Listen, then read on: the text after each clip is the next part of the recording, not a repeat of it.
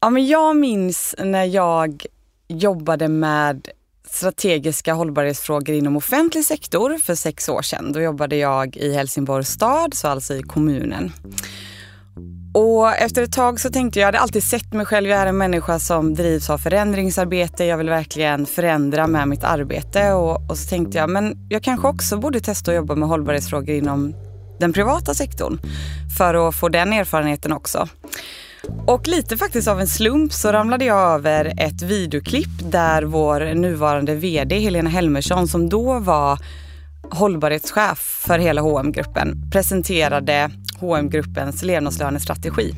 Och där satt jag i mitt kök i Helsingborg och tänkte, mm, det här låter intressant utan att förstå exakt vad det faktiskt betydde. Men där fick jag upp ögonen för hm gruppen sökte mig dit och ett halvår senare så satt jag på planet till Bangladesh och hade fått möjligheten att flytta dit och börja jobba. Och min roll var att jag skulle jobba som projektledare med att implementera lönestrategin tillsammans med många kollegor på plats i Dhaka. Och redan efter bara några veckor på plats i Dhaka så såg jag vilken enorm påverkan man kan ha som privataktör om man är på plats i de här utvecklingsländerna och faktiskt kan driva arbete. Och det motiverade mig enormt. Så därför är jag kvar i den privata sektorn fem år senare, kvar inom hm gruppen och jobbar fortfarande en hel del med levnadslönefrågan.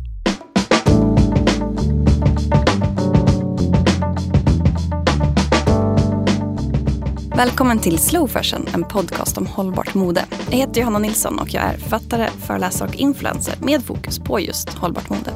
Och det här är podden som vill inspirera och peppa till en mer hållbar garderob och snacka såväl problem som lösningar i textilindustrin. Ja, ge ny kunskap, problematisera och fördjupa. Och idag så ska vi snacka om levnadslöner. Och gäst med mig idag är Linda Ingolfsdotter. Hej! Hej! Och du jobbar på H&M och precis berättat att du har ju bott i Dhaka i Bangladesh. Det stämmer. Ja, och nu är du i, tillbaka i Sverige. Precis. Mm. Och vad, gör du, vad har du för roll idag? Idag jobbar jag som strategiskt ansvarig för sociala frågor med främst frågor kring eh, hur vi kan säkra bra och rättvisa jobb längs vår värdekedja. Mm, Okej, okay. jag tänker att vi börjar lite grundläggande. Mm. Eh, för det första, när du nämner hm gruppen kan mm. vi bara räkna vilka butiker det är så att man, när man lyssnar så har man stenkoll på Absolut. Mm. Eh, det är ju H&M då som är det största varumärket i gruppen men sen har vi H&M Home, Arket, A-Found, Other Stories, Weekday, Monkey och Koss. Vilken bra minnesläxa här. Precis. och när vi pratar just hm gruppen så är ju ni världens näst största klädföretag efter spanska Intex som äger bland annat då Zara och Massimo Dutti till exempel. Precis, mm. yeah. Och 2018 så omsatte ni 210 miljarder kronor. Eh, gjorde en vinst på ungefär 12 miljarder och har ungefär nästan 5 000 butiker i 71 länder. Och det är 123 000 anställda har jag läst i er årsredovisning. Ja, vi har inom bolaget idag 177 000 anställda. Oj, okej. Okay. Mm. Så det är stort. Det går snabbt. Ja. ja. Och att ni tillverkar i över 2300 fabriker runt om i världen. Och det är alltså 1,6 miljoner arbetare mm. som producerar. Så vi pratar ganska många människor. Ja, det gör vi absolut. Mm. Och nu ska vi prata lön. Ja. ja. vi börjar med det här grundläggande. Eh, man kan ofta höra liksom begreppen levnadslön, minimilön. Kan du bara förklara, vad är det? Absolut. Ehm, det finns ju en del olika åsikter kring vad en levnadslön är i industrin idag. Ehm, men hm gruppen använder ju sig av FN-organet ILO, alltså International Labour Organization.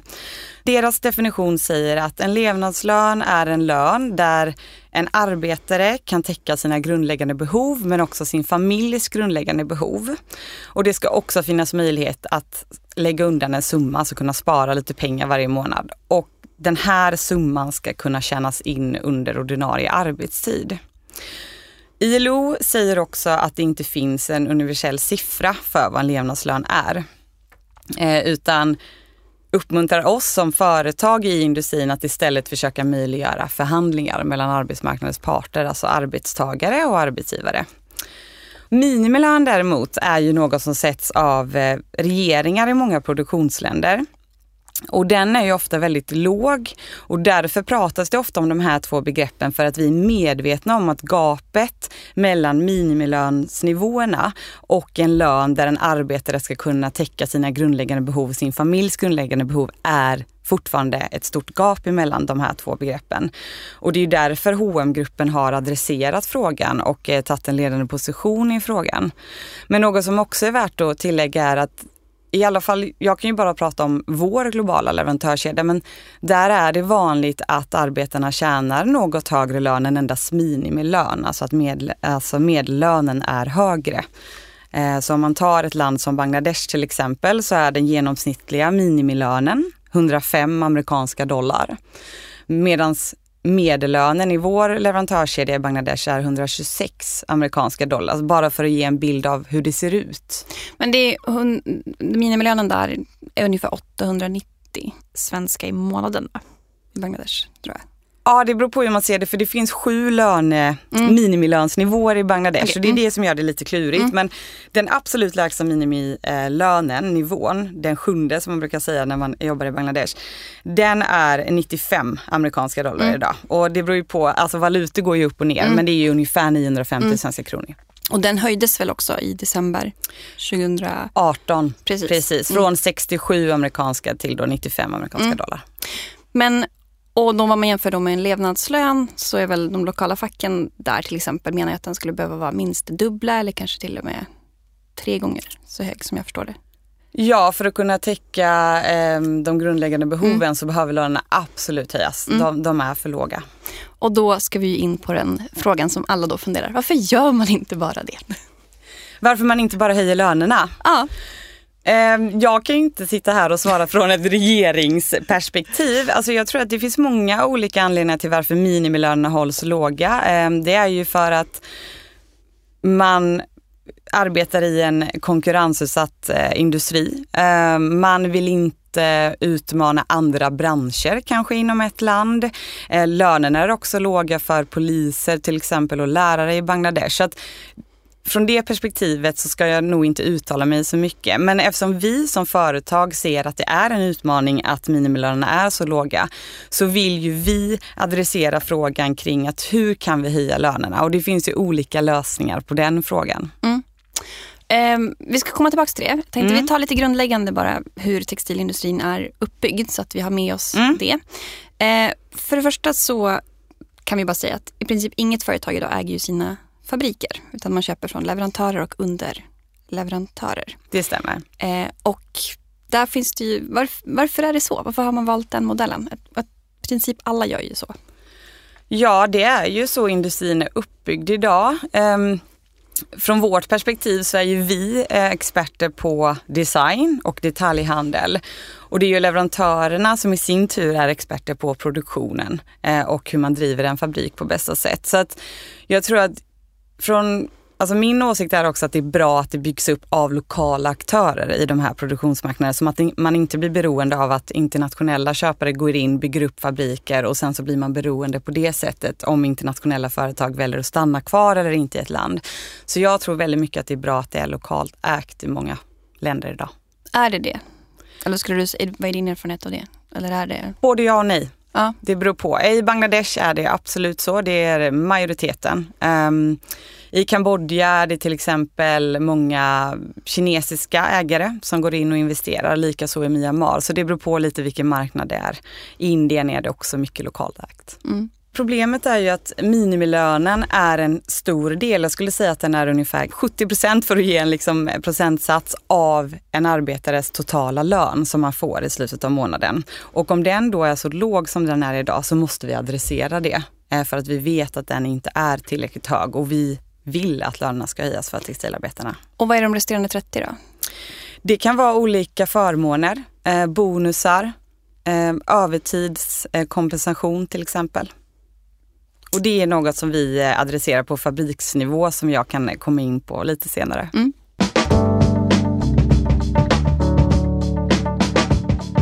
Jag tänker om vi backar tillbaks lite här då. Hur, eh, det finns ju de som menar att vi konsumenter bara skulle kunna betala ja, men någon mer krona per plagg. eh, för att vi skulle kunna för att det skulle innebära en levnadslön. Varför kan jag som konsument inte bara göra det? Det känns ju väldigt lätt. Jag vet och jag önskar att det var så lätt. Alltså var det så lätt så hade vi gjort det för länge sedan. Um, men verkligheten ser ju ut som så att vi, hm gruppen är ju bara en av många köpare i en fabrik. Så till exempel om vi väljer att sälja en tröja som är producerad i fabrik A. Vi väljer att sälja den för 300 svenska kronor i butik eller online. Ett annat företag som också producerar i fabrik A väljer att sälja en tröja för 3000 svenska kronor istället. Tröjorna är eh, producerade i samma fabrik arbetaren kommer tjäna exakt samma lön i slutet av månaden. Så att det finns inte en tydlig koppling mellan priset på produkt och en arbetares lön. Så därför är frågan inte, eller därför är lösningen inte så enkel. Mm. Men, eh, och jag tänker utifrån det också då som du säger att där många företag producerar på samma fabriker. Mm. Eh, kan det också innebära att man ställer olika krav? Absolut. Mm. Eh, många företag har ju olika fokusområden skulle jag säga inom hållbarhetsområdet. Alltså många minimumkravet liksom, eh, som vi brukar kalla compliance är ju ofta samma.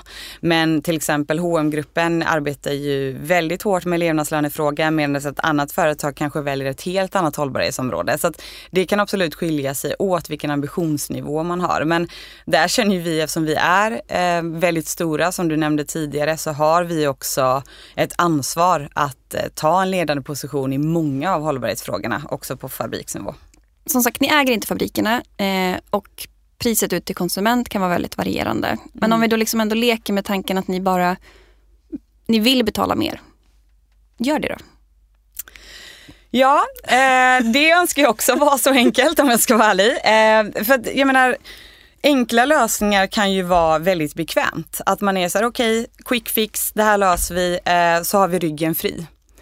Men det är mer komplicerat än så eh, och det finns system och strukturförändringar som vi jobbar med som jag kommer in på lite senare. Men för att svara på frågan. Det finns en studie som är gjord på det här att om man, det finns ett svenskt företag som gick in i en fabrik i Indien och betalade, de la på mer pengar på produkten som de betalade för, för att de pengarna skulle gå direkt till arbetarna. Och det här samarbetet gjorde tillsammans med Göteborgs universitet och slutsatserna från den studien eller det initiativet var att det blev obalans i fabriken för att det var bara arbetarna som sydde den produkten för det svenska bolaget som fick en högre lön. Så det skapade en obalans eh, i fabriken och lite oroligheter. Och sen har också representanter från Göteborgs universitet gått ut och sagt att det här är inte en skalbar metod. Och då tänker vi ju, vi, är, vi har en stor global leverantörskedja och vi vill också adressera frågan på industrinivå. Alltså vi vill höja lönerna för alla arbetare. Inte bara arbetare i vår egna globala leverantörskedja och därför ser inte vi det som en lösning. Och sen ska tilläggas att vi har ju väldigt eh, nära dialog med globala fackförbund. Och de ser ju att om vi bara skulle gå in och betala direkt, då har vi inte löst grundproblemet med att vi måste stärka arbetsmarknadsrelationer. Vi måste få till förhandlingar för att vi ska kunna få en långsiktig och hållbar lösning på levnadslönefrågan. För jag har hört det också, eh, för drygt ett år sedan, så, eller snart ett år sedan så träffade jag eh, Akter som är fackföreningsledare eller man ska säga, och samlar väldigt många fackförbund i Dhaka i Bangladesh. Jag tänker att du känner honom ganska väl. Ja, jag har träffat honom. Exakt. Och han pratade om just det här också att utifrån, det finns också en risk för korruption. Att bara då betala, som företag att betala bara till fabriken säger ju ingenting att det kommer arbetarna till godo. Precis, det är svårt att följa upp eh, och det är väl ingen som sitter inne på lösningen exakt hur det skulle följas upp. Och i en sån situation vill vi ju inte hamna i att arbetarna inte får den lönen i slutändan. Mm. Och sen han, eh, som jag också förstår så pratade han lite grann om just också den här komplexiteten. Att nu sitter ni ändå på lite olika sidor på ett sätt. Men att just komplexiteten ändå är man ju överens om. Att, mm. eh, att det också skulle kunna det finns en viss risk att om man skulle höja lönerna så kanske det eventuellt för det första att då branschen skulle dra vidare till andra billigare länder. Eh, men sen också att man eh, ja, men att man kanske skulle driva på ackorden mycket hårdare. Att det är så här, ja, men ska du tjäna så här mycket då måste du jobba dubbelt så snabbt. Eller att det skulle liksom påverka arbetsmiljön. var liksom mm. lite så här, eh, vad ska man säga, risker som man kanske såg. Är det någonting du liksom håller med om eller tänker att det finns liksom många olika följd effekter som vi inte vet någonting om. Egentligen. Ja, eftersom det här är något, eh, det är ju något som inte har testats förut, alltså att försöka verkligen adressera frågan på industrinivå så vet ju ingen exakt vilken som är den bästa lösningen förutom att vi tillsammans med Babel Akhter och hans fackliga eh, kollegor på plats i Bangladesh är överens om att vi tror ju på att förhandlingar skulle kunna leda till att vi kan säkra att arbetarna får den lön som har förhandlats fram och det är ju också något som fack marken eh, kan följa upp tillsammans med oss. Eh, så att, Ja, svaret på din fråga är absolut. Det, det, finns, det är komplicerat, det håller jag helt och hållet med om. Och det här är ju frågor som vi har en dialog med Babul och Nasma, eh, en annan känd profil från Bangladesh, i vårt nationella råd som vi har tillsammans med fackliga representanter i Bangladesh genom vårt globala ramavtal med eh, Industrial, det globala fackförbundet och IF Metall. Och det, levnadslönefrågan är ju något som diskuteras ofta i det rådet. Och hur ser det ut, jag tänker du kan ju framförallt Bangladesh och där vet jag till exempel att han är ju han är generalsekreterare då för Bangladesh Garment and Industrial Workers Federation som då är en sammanslutning av, okej nu håll i nu, 53 fackförbund och 53 fackförbund som driver kanske lite olika agendor emellanåt. Mm. Eh, och att det också i sig är ju, ehm, eh, kan vara ett problem, men också lite det här att, som jag också förstår att eh, om man nu, alltså lönefrågan är väl egentligen grunden för all typ av problem när vi pratar just bristen på social hållbarhet inom liksom textilindustrin. Att om man kämpar för sin överlevnad så kanske att engagera sig fackligt på sin fritid inte är riktigt det man orkar. Mm göra. Just det hur, liksom hur får man ett starkt fack? Alltså det finns ju väldigt många, som svensk så är det ju ganska, vi, tänker, vi tar det så självklart där, det här med fackförbund, men det ser inte ut så globalt sett. Det finns ju länder där det är ja, mer eller mindre förbjudet och, och så vidare. Liksom. Um, eller om man tänker som i Bangladesh är det väl, det är väl lagligt men sen kanske man har lite svårare att få jobb inom vissa fabriker eller vad det kan vara om man nu är fackligt engagerad. Så jag tänker det finns ju mycket den också. Ja, alltså grunden skulle jag säga innan egentligen man kan adressera levnadslönefrågan så behöver vi stärka arbetsmarknadsrelationer och skapa bra industriella relationer. Så grunden i hm gruppens sociala arbete är egentligen att stärka den sociala dialogen. Och det gör ju vi egentligen på två sätt, lite det jag var inne på tidigare med att vi har ett globalt ramavtal med Industrial och IF Metall eh, för att stärka industriella relationer i olika produktionsmarknader. Men det handlar också om att man måste kunna implementera det här ramavtalet. Det räcker ju inte att ha ett ramavtal på global nivå. Och då har vi skapat de här sex nationella råden. Eh, de här finns i Bangladesh, Kambodja, Myanmar, Turkiet, Indonesien och Indien idag. Och där har vi fackliga representanter och hm gruppsrepresentanter som jobbar i de här länderna eftersom vi är ju lite unika där att vi har många människor på plats som jobbar i olika produktionsmarknader. Men i de här nationella råden då så pratar man ju om problem och lösningar och vilka utmaningar det finns för att organisera sig. För det är ju mänsklig rättighet att kunna organisera sig och det är ju något som vi som företag behöver se till att våra leverantörer respekterar. Så att vi jobbar ju mycket med utbildning, både mot leverantörer för att förklara skyldigheter kring rätten att organisera sig, men också arbetare. Vad har, vad har ni för rättigheter här? Eh, så det, det handlar ju mycket om ett kunskapshöjande och sen så har vi utmaningar med förtroende skulle jag säga, främst mellan leverantörer och fackliga representanter. Och det handlar ju om att stärka dialogen. Så hur kan vi då se till att man kan ansluta sig fackligt? Jo, det steget vi ser först är att jobba med demokratiska val på fabriksnivå när det handlar om att välja sin arbetstagarrepresentant. Så vi har ju arbetat i nästan 900 fabriker världen över där vi har sett till att leverantörerna har demokratiskt valda arbetstagarrepresentanter och på så sätt tror vi att arbetarna kan få sina röster hörda. Och det lyfter också frågan kring social dialog. Och här brukar jag påminna mig själv, var började vi egentligen 2014 när vi började implementera den här strategin? Jo, när vi träffade leverantörer, hade enskilda möten, många leverantörer i Bangladesh och skulle få med dem på tåget att börja implementera vissa saker på fabriksnivå. Då möttes vi av kommentarer, va? Varför bryr ni er om att jag har en dialog med mina arbetstagare?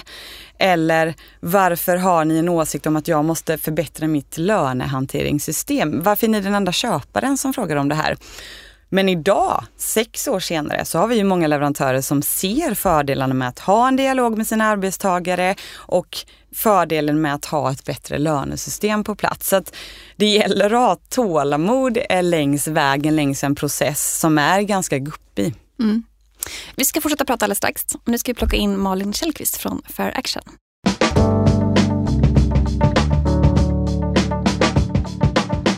Så Malin, nu har du kommit in och du har ju suttit och lyssnat på Linda här. Ja, precis. Ja. Kul att vara här.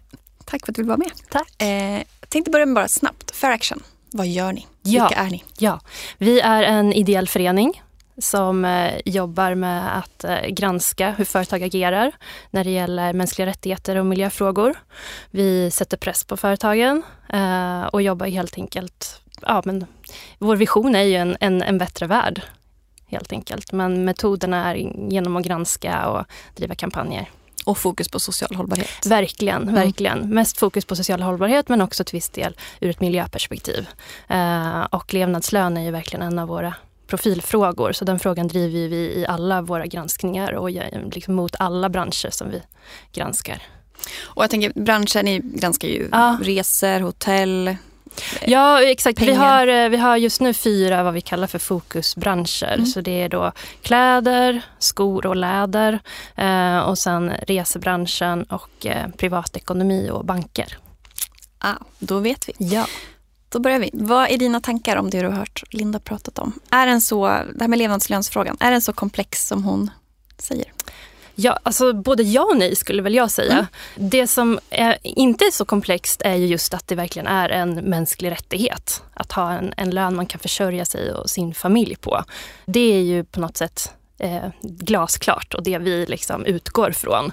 Och även om det finns många diskussioner kring exakt vilken siffra som den ska in, liksom innebära så är det ganska stor konsensus i i branschen, både liksom när det gäller företagen men också hur vi ser på vad det, vad det ska innebära. Och det är just det också som Linda nämnde kring att man måste kunna, ja, man kunna skicka sina barn till skolan, äta näringsriktig mat, eh, ha någonstans att bo där, man inte, där det inte regnar in vatten och man knappt kan andas för att det är så varmt och spara lite till oförutsedda utgifter och sen sjukvård.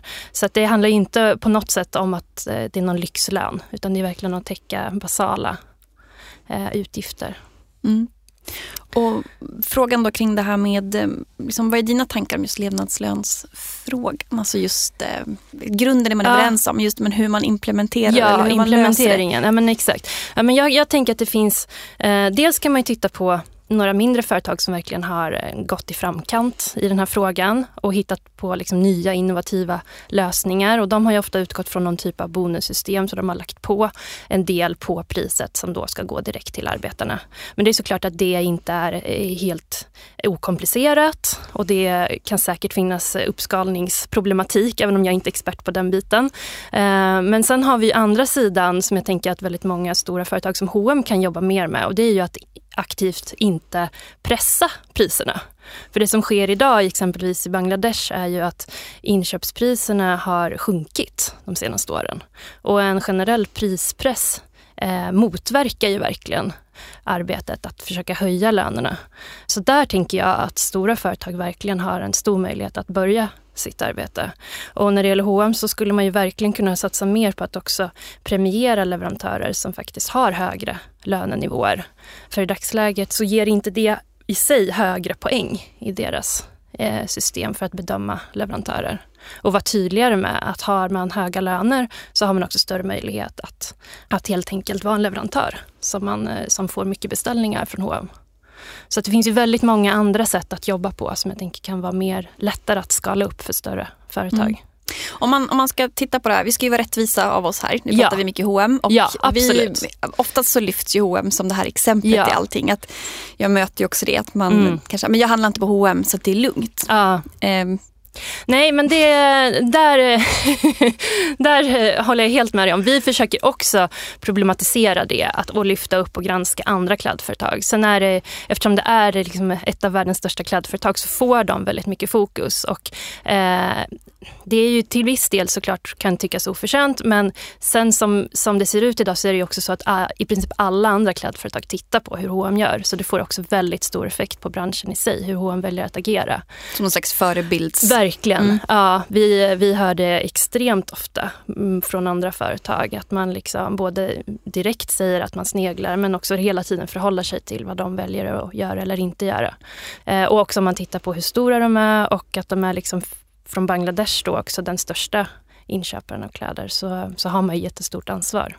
Men absolut, det är ju verkligen inte så att... Eh, jag menar, när det gäller just levnadslön så var ju de det första stora företaget som aktivt ändå gick ut och tog ställning och, eh, och eh, började liksom aktivt prata om levnadslönsfrågan. Och det tycker jag verkligen att de ska ha cred för. Men sen när det handlar om implementeringen och se till att det här faktiskt leder till högre löner i praktiken.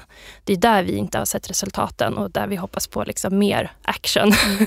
Men om man, om man ska titta på branschen i stort då. Ja. Eh, kan man egentligen säga att i princip ingen betalar levnadslöner idag. Ja, tyvärr skulle jag nog säga det.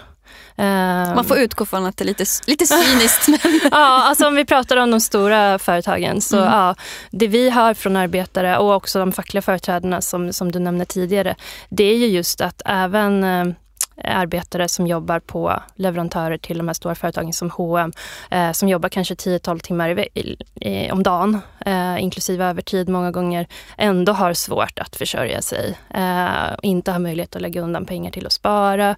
Eh, kanske måste ta lån om de blir sjuka för att de inte kan täcka utgifterna och sådana saker. Och det är lite oberoende också då på slutlig prislapp på plagget? Ja, ska man ju... Ja. Linda var inne på det, men jag tänker vi påminner ja. om det. Att ja. Det finns ingen relation mellan just pris och liksom Nej, inte, inte, i, inte i de här fallen. Mm. Det skulle jag inte säga. Sen när det handlar om mindre märken som, som har liksom ett helt annat sätt att jobba kanske med de här mm. frågorna för att de har väldigt många färre leverantörer och kanske köper en större del av leverantörernas produktion. Då kan det ju vara annorlunda. Men jag tänker om man ska liksom ge ett råd mot konsument ja. så kanske att man... Nej, då är det inte att titta på prislappen. Nej, utan mer kanske då tänka att det är dåligt tills motsatsen är Ja, det är lika bra att ha det förhållningssättet och vara kritisk och ställa många frågor. För det är väl också någonting jag verkligen vill trycka på. Att mm. Som konsument kan man ju verkligen känna sig maktlös och undra ja, men vad spelar det för roll om jag tweetar till ett företag eller ställer en fråga i butik. Men det gör väldigt stor skillnad. Det ser vi gång på gång på gång. Så att eh, ta de eh, chanserna oavsett om det är på sociala medier eller direkt i butik att ställa frågor. Jag ska lyfta det, för att det var just när jag träffade Babul Akhter där så sa jag han, jag frågade finns det någon, kan man se någon skillnad på olika typer av fabriker? Och då mm. sa han att de fabrikerna som man vet kanske går ja, men mer på export och mm. där man också vet att eh, man har konsumenter som faktiskt frågar ganska mycket menade mm. han var generellt lite bättre ja. än de som inte hade en kundgrupp som frågasatte. Ja, nej men så är det ju verkligen. Mm. Det är ju ingen slump att hållbarhetsfrågorna eh, är så på agendan inom klädsektorn och har varit under lång tid. Det är ju för att det har funnits ett väldigt starkt engagemang från konsumenter, eh, påtryckande organisationer och självklart också från arbetarna själva och deras, deras kamp. Men, eh, men konsumenttrycket är en jättestor faktor i det här. Så mer sånt? Mer sånt, mm. absolut. Och är det någonting du slutligen vill tillägga utifrån det Linda pratade om, som någon tanke som har väckts? Ja, men jag skulle jättegärna vilja poängtera att det är en jättebra långsiktig strategi som H&M har när det gäller just rätten till fri organisering och förbättra de mm, liksom industriella relationerna i, i producentländerna. Men att eh, vi verkligen anser att det behöver kompletteras med mer kortsiktiga strategier. För maktobalansen mellan arbetare och fabriksledningar idag är ju extremt stor. Det handlar liksom om unga outbildade kvinnor som knappt ens vet vad de har för rättigheter. Och helt och hållet lägga i det deras knä och på deras ansvar att försöka förhandla upp lönerna när de liksom knappt har råd att försörja sin familj. Det, det kommer ta jättelång tid och, och vi ser inte det som hållbart på kort sikt, även om det är en jättebra ambition. Så det, därför så tänker vi att det är så enormt viktigt att man också tittar på mer liksom, kortsiktiga lösningar för att faktiskt höja lönerna så att de ändå kommer upp i en dräglig nivå. Och med kortsiktiga, har ni några konkreta Ja, tankar? men just det här att inte pressa priserna. Att se till att det finns utrymme för leverantörerna att höja lönerna och också premiera de leverantörer som gör det. Det är ett jättebra steg att börja med. Tack Malin.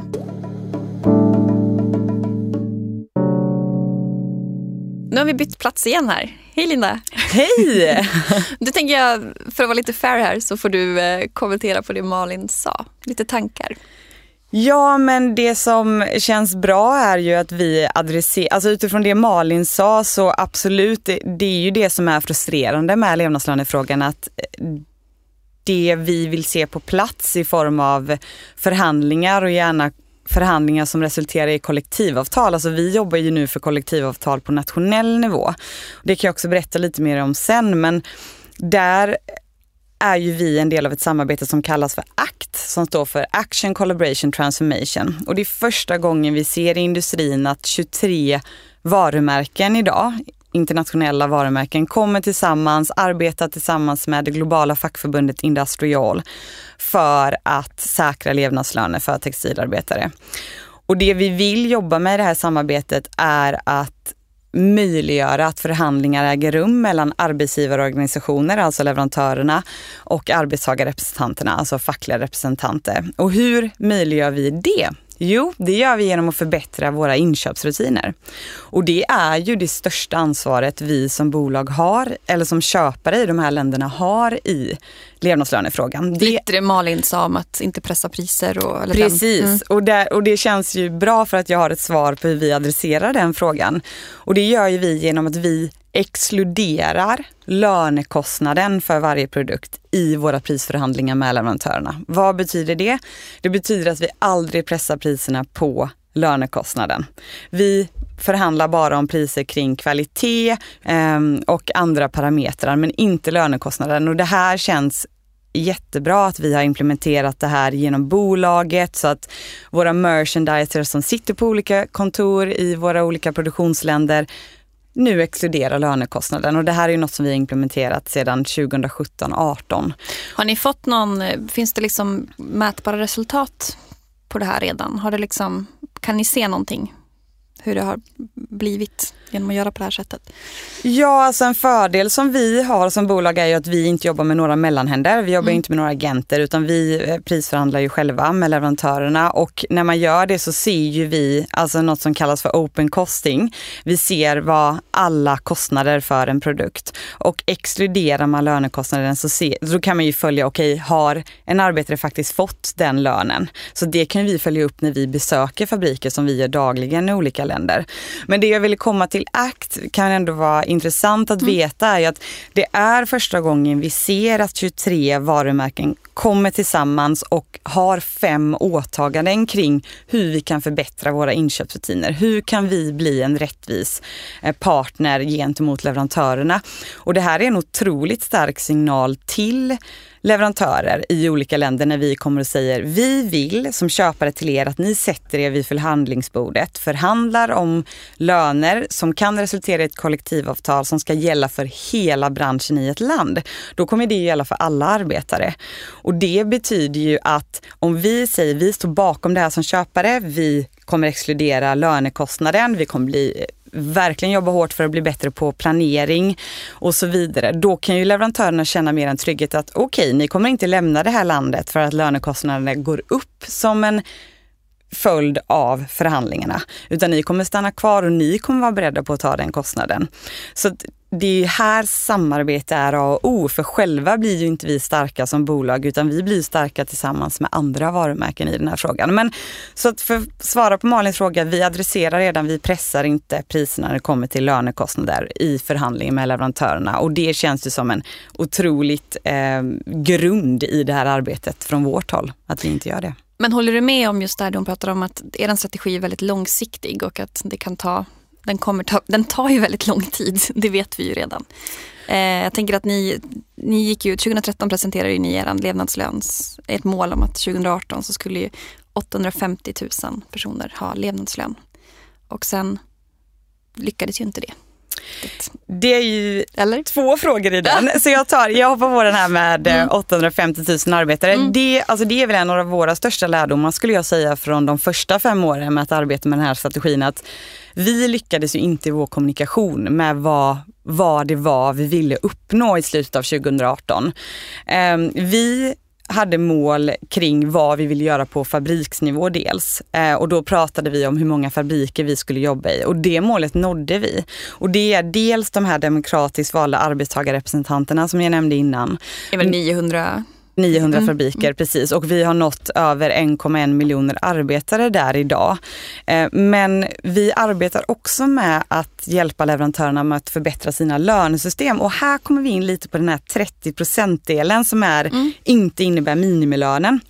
Eh, för här kände vi att det finns saker och ting vi kan göra på fabriksnivå. Vi kan inte bara jobba med det här långsiktiga och förhandlingsbiten med kollektivavtal. Utan vi har gått in, stöttat över 800 fabriker idag med att förbättra sina lönesystem. Och vad betyder det i praktiken? Jo, det är nämligen så att det är ganska vanligt idag i produktionsländer att alla arbetare i en fabrik tjänar ungefär exakt samma lön i slutet av månaden.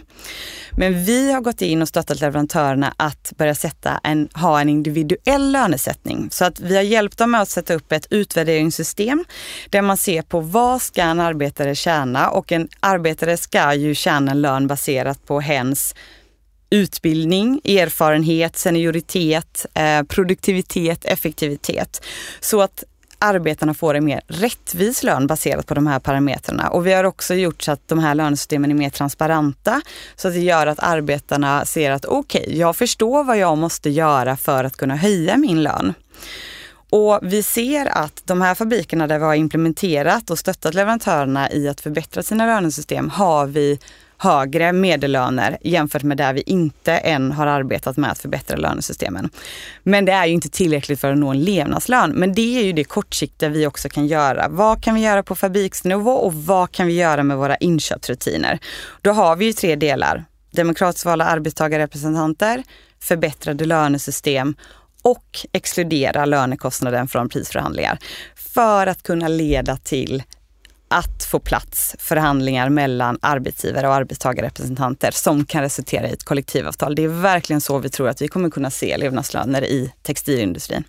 Jag tänker också, eh, just, jag själv upplever att det här med frågan om levnadslöner har fått större fokus över tid. Att för, ja men, inte vet jag, tio år sedan var det liksom en icke-fråga. Eller kanske ens tre år sedan. Att när man pratar om hållbarhet inom de flesta modeföretagen så man har varit så otroligt fokuserad på just material till exempel. Ekologisk bomull eller vad det nu kan vara. Men att det är ganska nyligen ändå har blivit liksom ändå en fråga som man ändå vill från bolagshåll faktiskt Ja, men innan har det varit att man inte vill ta i det med tång ens, tycker jag. Men att nu kan man ändå så prata om det som att ni ändå gick ut med att ni det var ert mål. Sen mm. så gick det inte jätte, liksom, hela vägen fram. Men att man ändå så här, medger att det är ett problem. Känner du också så att det är någonting som man har faktiskt börjat lyfta mycket mer? Eller? Ja, alltså det är ju just det här med den kritiken som vi har fått under de senaste åren med att vi inte att vi inte gick ut och betalade levnadslön till 850 000 arbetare, det är ju ett missförstånd i vad vi sa. Men det som är viktigt att nämna här med kritiken är ju att det har ju gjort andra varumärken lite rädda att ens ge sig in i frågan. Det finns ju större och mindre varumärken, företag som har hört av sig till oss och sagt att ah, det här med levnadslönefrågan känns ju inte jättekul att ge sig in i med tanke på den kritiken ni har fått längs vägen. Och jag tycker att det är väldigt olyckligt för att det har blivit alldeles för mycket fokus på vad vi sa, vad vi inte sa när vi gick ut och sa att vi står bakom det vi sa. Vi har uppnått de målen, men det viktigaste är ju att vi ska höja lönerna så vi måste fortsätta framåt. Eh, och jag håller med dig. Det var inte så mycket fokus när vi lanserade eh, och publicerade vår strategi 2013. Det är mer fokus idag, men det krävs att många, många fler företag hoppar på det här tåget. För att ju fler företag vi också är i samarbete, till exempel i ACT, ju starkare röst blir vi gentemot arbetsgivarorganisationer i olika produktionsländer. Så att vi behöver fler aktörer med oss och inte bara varumärken. Det krävs dialog med regeringar, det krävs dialog med fackförbund och så vidare. Så att det är ju en fråga för hela industrin som vi måste adressera tillsammans. Och jag tänker också, jag vill bara lyfta in det här lite vi pratade om just i början att man äger ju man äger inte sina fabriker utan man köper från leverantörer och jag tänker ni som är väldigt stora, ni har mycket personal på plats. Yeah. Ni har, eftersom ni jobbar med extremt stora ordrar så liksom direkt förhandlar ni. Mm. Men väldigt många, kanske också mindre märken, har ju mindre muskler. Alltså just det här att man kanske köper via agenter eller mm. marknader snarare än... Man kanske inte ens vet vart fabriken ligger utan man syr på liksom en label i, i nacken. Att liksom den här problematiken är, är väldigt stor egentligen och att transparens är väl egentligen någon slags grundläggande del också i det här att faktiskt kunna ja, veta vart kom, saker kommer ifrån och så. Definitivt. Alltså, det är klart att det gör stor skillnad att vi till exempel i Bangladesh har 650 anställda medan ett mindre bolag jobbar via en agent. Men där håller jag helt med om det du och Malin var inne på innan att kunden ska ju kunna ställa krav. Hur följer ni upp på att arbetarna faktiskt får den här lönen? Hur kan ni se till att ni exkluderar lönekostnaden från prisförhandlingar till exempel? Och det är ju svårt att göra om du arbetar med mellanhänder men det ska ju inte vara omöjligt. Det kravet ska man ju kunna ställa på sina mellanhänder också och kunna följa upp. Så att jag tänker att det är bättre att försöka se möjligheterna och också vi som har arbetat med frågan 2013 och när vi lanserade, det var inte så att vi hade svar på alla frågor. Det här var ju också något nytt, eh, hur man skulle ge sig på liksom en industrifråga. Men vi har ju lärt oss extremt mycket längs vägen och är jätteöppna för att dela med oss och vill verkligen uppmuntra till att fler jobbar med den här frågan eftersom det är en mänsklig rättighet att faktiskt tjäna levnadslön. Varför är levnadslönsfrågan ständigt aktuell? Jag tror att det mest beror på att lönerna för textilarbetare har varit eh, alldeles för låga i många år och är fortfarande för låga. Eh, och därför så delar ju hm gruppen den frustrationen med många i industrin och tillsammans med konsumenter att varför går det inte att höja lönerna snabbare? Eh, och jag tror också att det är en ständigt aktuell fråga för att just processen med att säkra levnadslöner tar lång tid. Och det är ju det som skapar frustrationen i sig. Eh, men lönerna måste höjas och vi måste fortsätta arbeta även om eh, det inte går så snabbt som vi hade velat. Då ska jag ställa en sista fråga till dig. Ja. Mot konsument. Hur, vad skulle du säga då från H&M's håll eller från industrihållet? Vad är det som peppar eller påverkar mest? Vad kan jag som konsument göra? Jag tycker verkligen att det handlar om att ställa frågor till varumärken. Jobbar ni med levnadslönefrågan? Om ja, hur? Eh, och det är ju någonting som vi har tampats lite med. Hur blir man tydlig i den kommunikationen? Liksom, det är ju väldigt svårt att ha en hisspitch kring hur man jobbar med levnadslöner. Men det handlar ju om att ha en dialog med sina konsumenter. Så jag tycker att kräv transparent, eh, ställ frågor och fråga hur, om man har jobbat med levnadslönefrågan, vad har man lärt sig längs vägen och vad tar man med sig i sitt vidare arbete? Så fråga upp lite mer konkret att, ja, helt enkelt. Ja, absolut. Det tycker jag att eh, det är så vi eh, påverkar industrin och rör oss framåt. Tack snälla Linda för att du varit med. Tack Johanna för att jag fick vara med. Du har lyssnat på Slow Fashion-podden och du hittar mig på johannanilsson.se, på Instagram at johannanilsson.se. Så låt oss prata vidare där och du får ju såklart jättegärna betygsätta den här podden i din poddapp så att fler hittar den. Det gör mig väldigt tacksam. Och gärna tipsa vidare också till någon som du kanske tycker borde dyka in i det här ämnet lite mer. Tack till Beppo också för produktionen. Det här programmet görs på Beppo. Beppo. Beppo. Beppo. Beppo. Beppo.se